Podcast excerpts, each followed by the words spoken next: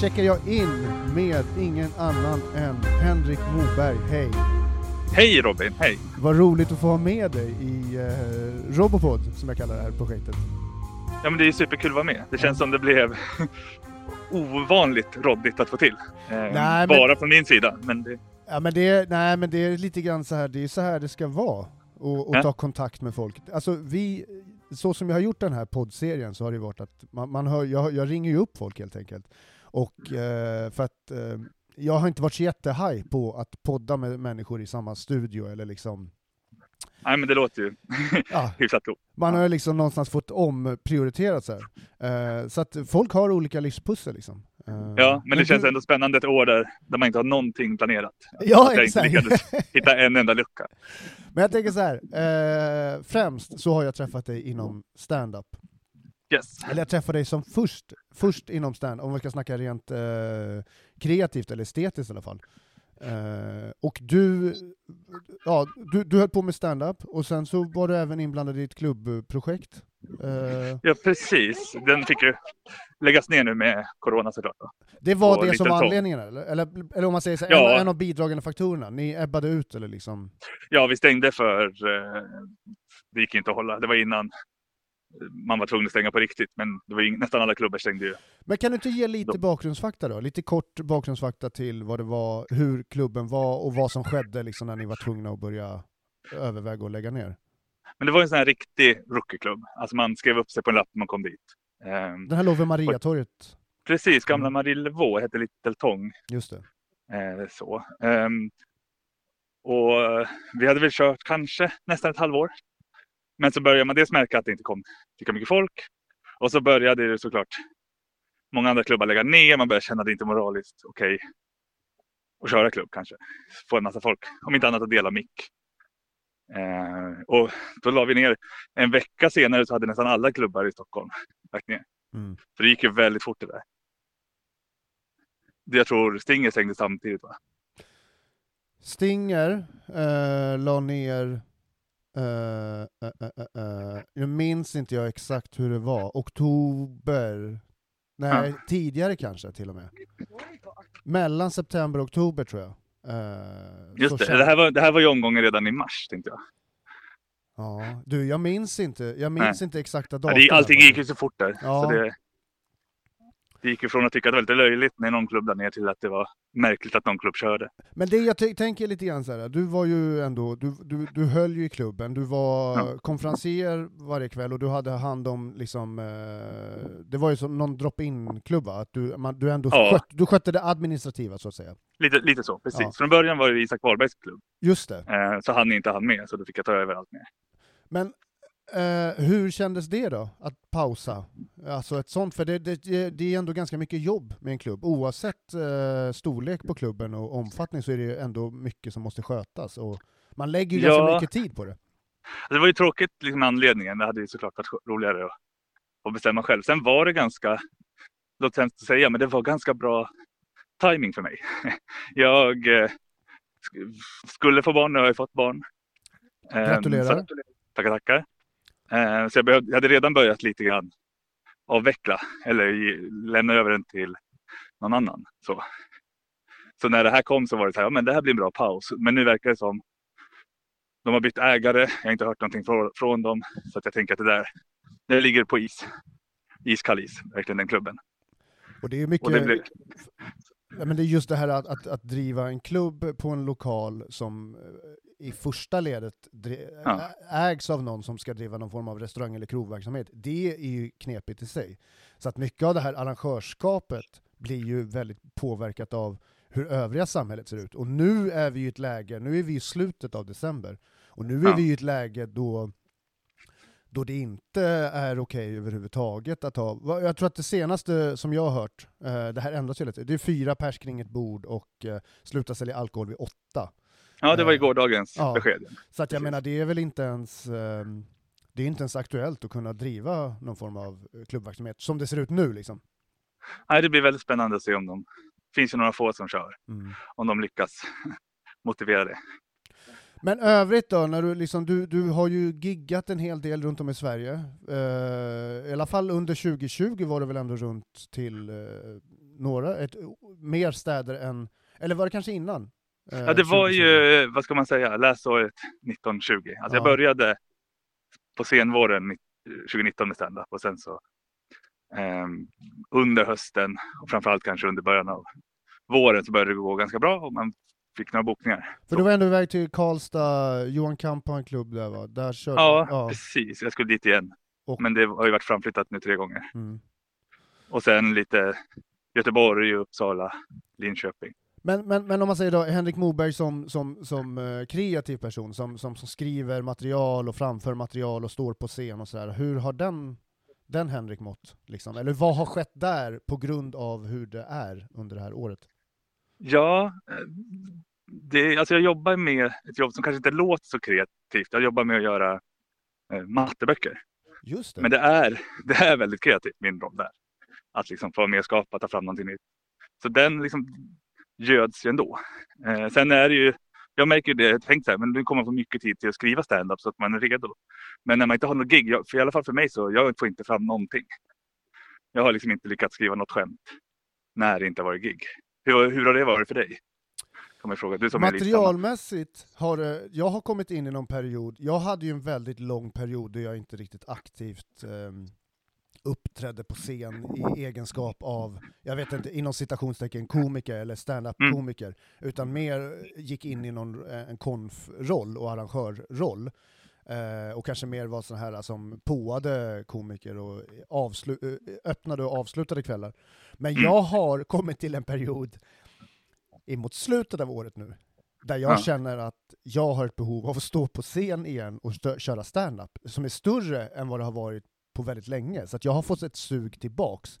Ehm, Så det kanske var en välkomnad paus. Även om ja, men lite så. Men även så har jag väl känt att eh, det som kanske var eh, grunden, eller roten till, till, eh, till mitt behov av att skriva material, det har någonstans kommit tillbaks. Alltså den här mörka tillvaron som har blivit i samhället på många sätt.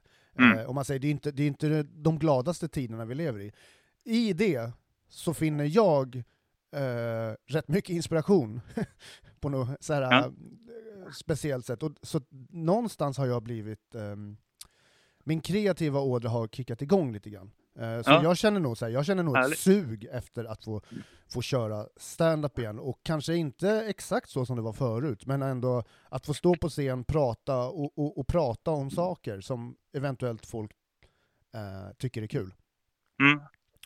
Men det låter ju härligt. Jag tror att det var Robban Broberg jobbade lika, att när det var liksom man var på scen och man körde mycket turnéer, då det var alltid kul, men han skrev ingenting. Och sen när han liksom hade paus och gick ner i sin mörka sida så skrev han alla låtar.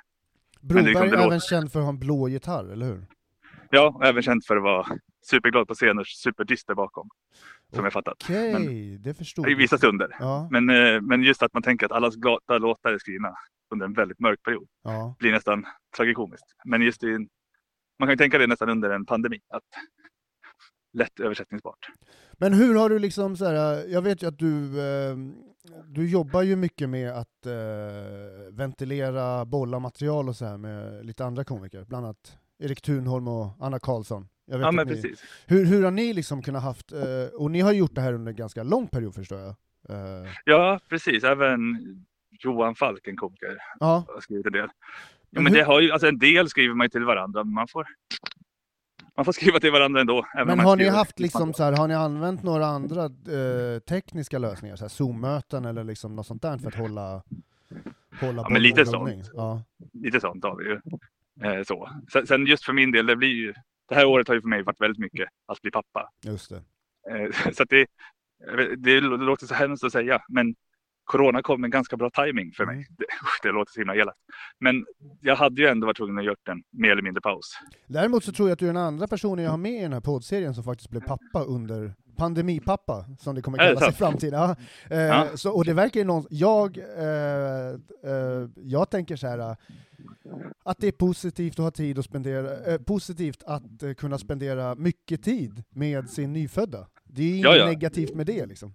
Och jag jobbar hemifrån, det gör min fru också när hon jobbar. Så att, och då sitter man liksom i rummet bredvid. Så, att, så fort man får lite break kan man gå ut och vara med sitt barn. Istället för att vara tvungen att åka till och från ett jobb långa sträckor och vara borta länge. Och det är ju också, alltså, det har hört många som när de blir föräldrar tycker att det är så liksom, svårt att skiljas från det gamla livet. Men nu har man ju tvingats till det ändå. Ja. Alltså med, så nu kommer istället liksom, min dotter liksom, som en extra bonus att någonting kul Ja. händer förutom att man blir pappa och det är jättehärligt så. Och alla andra är ju, har ju samma, alltså i vanliga fall får man någon sorts FOMO när man får barn. Men nu har ju alla, alla har ju någon FOMO till sitt gamla liv. ja, precis. Men det, är, det är ganska bra timing. eh, om, eh, om, man, om vi eh, spanar lite framåt, gör någon framtidsspaning. Vad tror du om eh, Dels, vad tror du om standup-scenen? Hur tror du att samhället kommer utvecklas rent kulturellt? Eh, och sen, vad- vilka, vad kommer kanske försvinna, om man säger? Vad kommer vi inte försöka återskapa? Eh, för det känns som en het potatis som många snackar om, som är eh, aktiva inom kulturen. Ja. vad, vad tror du, Henrik? Det så. Jag, hörde avsnittet med när du intervjuade Anna Karlsson. Mm. Hon jobbar ju med kultur och spånar och sånt här. Så hon hade ju jättebra svar. Jag känner att jag har knappt reflekterat över det. Eh, jag har liksom varit helt fokus på att vara pappa och liksom att leva det här livet nästan. Jag tänker, det kommer ju komma tillbaka på något sätt ett kulturliv såklart och det kommer ju vara att man vill se kultur live. Det, sen liksom i vilket mått och eh, hur, hur snabbt det kommer tillbaka, det vet jag inte. Men det kommer, man kommer ju vilja se stand-up igen, det tror jag. Ja. Det är inga problem, det kommer ju repa sig. Och sen kanske det inte ser likadant ut och det kommer komma nya klubbar och det kommer komma nytt folk. Men jag tror att i sinom tid kommer det vara någonting bra. Men vad tänker du? Nej men vad, vad heter det, jag tänker också så här äh, konserter och grejer, för att jag har börjat liksom se, äh, alltså nu när man ser klipp som är så här, man, man ser ju Mm. ganska snabbt så här, ja det där, är- det där är äh, äh, Innan. äh, äh, pre-pandemi liksom. Man bara fy fan vad mycket folk framför scenen. Ja. Sån obehaglig känsla. Ja, man ser någon så här arenaspelning. Ja. Summerburst, man bara fy fan vad mycket folk! Nej men eh, det känns ju som att eh, det kommer ju förändra allting så mycket. Alltså det, man kommer ju aldrig glömma det här. Man har ju levt, man är mitt i livet under den här tiden nu, och jag som person har ändå varit liksom alltid intresserad av kultur från ung ålder, är fortfarande, kommer troligen vara till den dagen da- jag dör liksom. Mm. Eh, Så att eh, ehm, det, det, det jag, jag tänker lite grann är att ehm, det kommer nog kanske aldrig bli samma sak igen, men det kommer bli annorlunda och det kommer kanske bli bättre kanske också till och med. Ja, alltså och det är ju- Vi pratade lite grann du och jag innan det här, innan du, du tryckte på räck, att ja, men inför jul att man ändå var tvungen att ifrågasätta många traditioner. Det. Behöver vi göra det, men till och med vill vi Ja, återgå till alla? Och ja, men det är samma där. Mycket som man kanske bara kört som vanligt eh, innan med hur man kör stand-up och hur man har klubbar och sådär. Det kommer man ju tvungen att ifrågasätta nu. Är man, har man orken att starta det som innan? mm. Ehm, och har man viljan att kanske hitta på någonting nytt. Och även om det kanske, alltså vi har ju sett en del försök att köra digital standup, eh, varierad resultat, men det är ändå någon start till någonting som kanske kan bli något nytt och kul. precis. Men jag hade tänkt att vi skulle ta och eh, avrunda. Eh, låter bra det. Du är med i ett Passo Pesetas podcastavsnitt, nummer 87 har jag för mig. Det låter bekant. Du, Eh, jag och Erik Thunholm. Precis, och där berättar du jättespännande historia om när du var i ett, i ett ökenbibliotek. Som jag tycker Ja, man ska i Marocko. I Marocko, just det, Marocko. Erkchigaga. Det stämmer säkert. Någon ökning Eh, där. Ja. Skitspännande avsnitt tyckte jag i alla fall att det var att lyssna på dina historier, för att du är en fantastisk berättare. Eh, Tackar, du har tackar. mycket härliga anekdoter. Men är det något annat du vill att man ska hålla utkik över överlag? Är det några sociala medier eller liknande?